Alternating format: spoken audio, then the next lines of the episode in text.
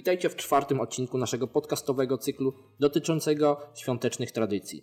Dziś rozstrzygniemy dylemat, kiedy Boże Narodzenie świętować należy. Historycznie rzecz biorąc, nie mamy pojęcia, kiedy przyszedł na świat Jezus z Nazaretu. Nie znamy nie tylko daty dziennej, ale nawet roku, w którym miało miejsce to tak istotne dla dziejów ludzkości wydarzenie. Z całą pewnością jednak nie stało się to na początku tak zwanej naszej ery.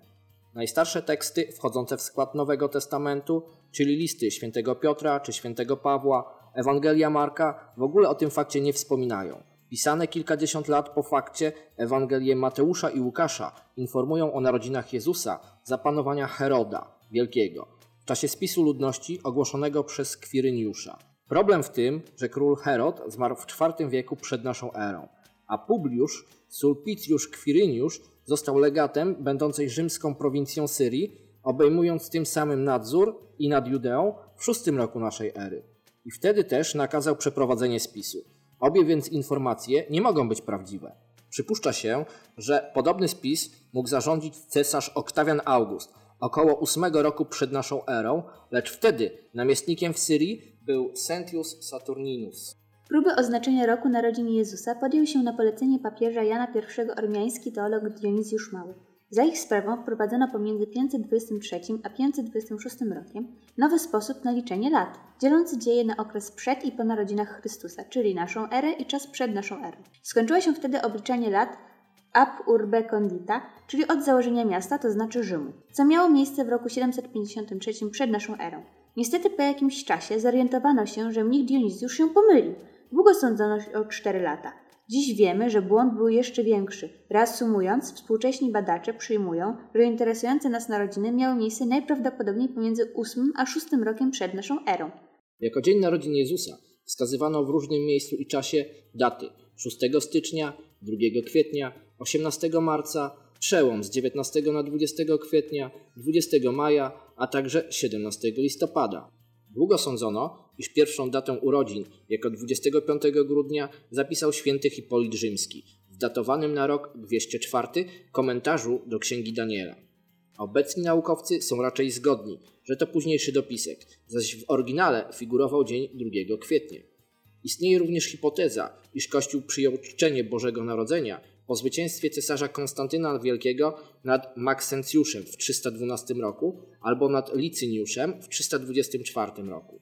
Pewniejszą jest wzmianka o istnieniu publicznych liturgicznych celebracji tego święta zamieszczona w rzymskim kalendarzu z 354 roku, któremu historycy nadali nazwę chronograf, a zredagowanym przez sławnego kaligrafa Furiusza Dionizego Philokalusa. Zawiera on dokument Depositio Martyrum, w zasadzie dotyczący dat upamiętnienia męczenników, ale podający też 25 grudnia jako Dzień Jezusowych Narodzin. Drugi zacytowany dokument, Deposito Episcoporum, sugeruje, że święto w tym dniu miało być obchodzone już w 336 roku. Z pozycji władz Kościoła datę 25 grudnia jako Dzień Narodzin Chrystusa podał papież Juliusz I, opierając się na ponoć zachowanym spisie z ludności z czasów cesarza Oktawiana Augusta, lecz raczej nie należy tego rzekomego źródła traktować poważnie. Niemniej kolejny papież Liberiusz I dzień ten jako święto oficjalnie zatwierdził. O obchodzeniu Bożego Narodzenia 25 grudnia w Kapadocji około 370 roku świadczy Bazylii Wielki. O podobnym świętowaniu w Konstantynopolu około 380 roku mówił Grzegorz, z Nazjansu. Zesian Chryzostom pisze o święcie w Antiochii w 386 roku, a Cyryl Aleksandryjski w Aleksandrii w 432 roku. Z całą pewnością więc dopiero od IV wieku zaczęło się świętowanie Bożego Narodzenia w szerszym zakresie, a zwyczaj ów narodził się w Rzymie, by potem stopniowo rozprzestrzenić się na cały chrześcijański świat. Pierwszą bożonarodzeniową tradycją chrześcijańską była pasterka. Nie wyglądała jednak tak jak dzisiejsza – była to bowiem ośmiokilometrowa procesja patriarchy jerozolimskiego do Betlejem, gdzie odprawiał nocną mszę w grocie Narodzenia, nad którą pierwszą bazylikę wzniosła w IV wieku święta Helena, matka cesarza Konstantyna. Należy przy tym przypuszczać, że wybór na świętowanie grudniowej daty nie był przypadkowy.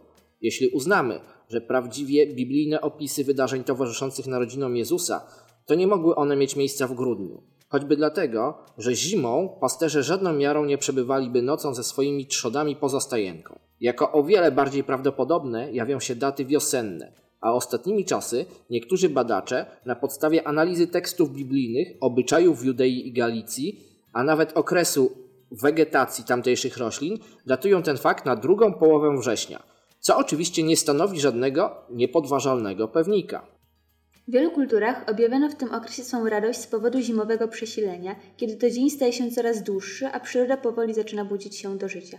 Od dawna pomiędzy 17 a 23 grudnia Rzymianie świętowali ku czci boga Saturna, opiekuna plonów, rozpoczynając trwającą od wiosny przerwę w pracach polowych. Organizowano publiczne zabawy, domy dekorowano roślinami, wydawano przyjęcia, rozdawano prezenty. Saturnalia były bardzo lubiane bo następowało wówczas nawet zbratanie panów z niewolnikami i panowała znaczna swoboda obyczajowa. Zaś od I wieku naszej ery 25 grudnia świętowano w Rzymie narodziny wywodzącego się z Persji boga słońca Mitry. W kolejnych wiekach jego kult był rozpowszechniony w całym imperium i śmiało aspirował do pozycji religii państwowej, lecz ostatecznie przegrał z chrześcijaństwem. W roku 274 naszej ery cesarz Aurelian wprowadził w ten dzień synkretyczne święto Natalis Solis Invicti, Narodzin niezwyciężonego słońca, poświęcone całemu panteonowi bóstw solarnych. Po ustanowieniu chrześcijaństwa religią państwową, wygaszenie zainteresowania pogańskimi bóstwami było jak najbardziej pożądane. Ludy słowiańskie także w tym okresie obchodziły święto zimowego stanio słońca i szczodre gody. Gdy więc w X wieku zawitało do Polski chrześcijaństwo, także musiano dokonać obyczajowej zmiany, co oczywiście nie było ani szybkie, ani łatwe. Po całych wiekach nieskutecznych zmagań z miejscową tradycją musiano włączyć zakorzenione, starodawne, pogańskie obyczaje do chrześcijańskich obchodów Bożego Narodzenia, które jeszcze do niedawna powszechnie zwano godami. Tak więc od z góry półtora tysiąca lat większość chrześcijan w różnych zakątkach globu świętuje Boże Narodzenie 25 grudnia. 582 roku papież Grzegorz XIII wprowadził nowy kalendarz. Niemniej jednak kościoły wschodnie, w tym prawosławie i grekokatolicyzm, obchodzą święto Bożego Narodzenia według kalendarza juliańskiego, to jest 7 stycznia. Kościół armiański takiego święta w swoim kalendarzu w ogóle nie ma. Trzyma się bowiem wczesnochrześcijańskiej tradycji Kościoła Wschodniego, celebrującego święto Epifanii, to jest połączonych trzech wydarzeń. Objawienie się Mesjasza poganom, jego chrztu w Jordanie, cudów Kanie Galilejskiej oraz pokłonu Trzech Króli. Choć w zasadzie uznają za moment przyjścia na świat Jezusa dzień, w którym świętują objawienie pańskie, to jest 6 stycznia, to formalnie Bożego Narodzenia nie mają. Nie ma jednak większego znaczenia, którego dnia święto obchodzimy. Najważniejsze, by niosło nam ono radość i nadzieję oraz łączyło nas z tysiącletnią tradycją naszych przodków, którzy w tym wyjątkowym dniu niezmiennie świętowali.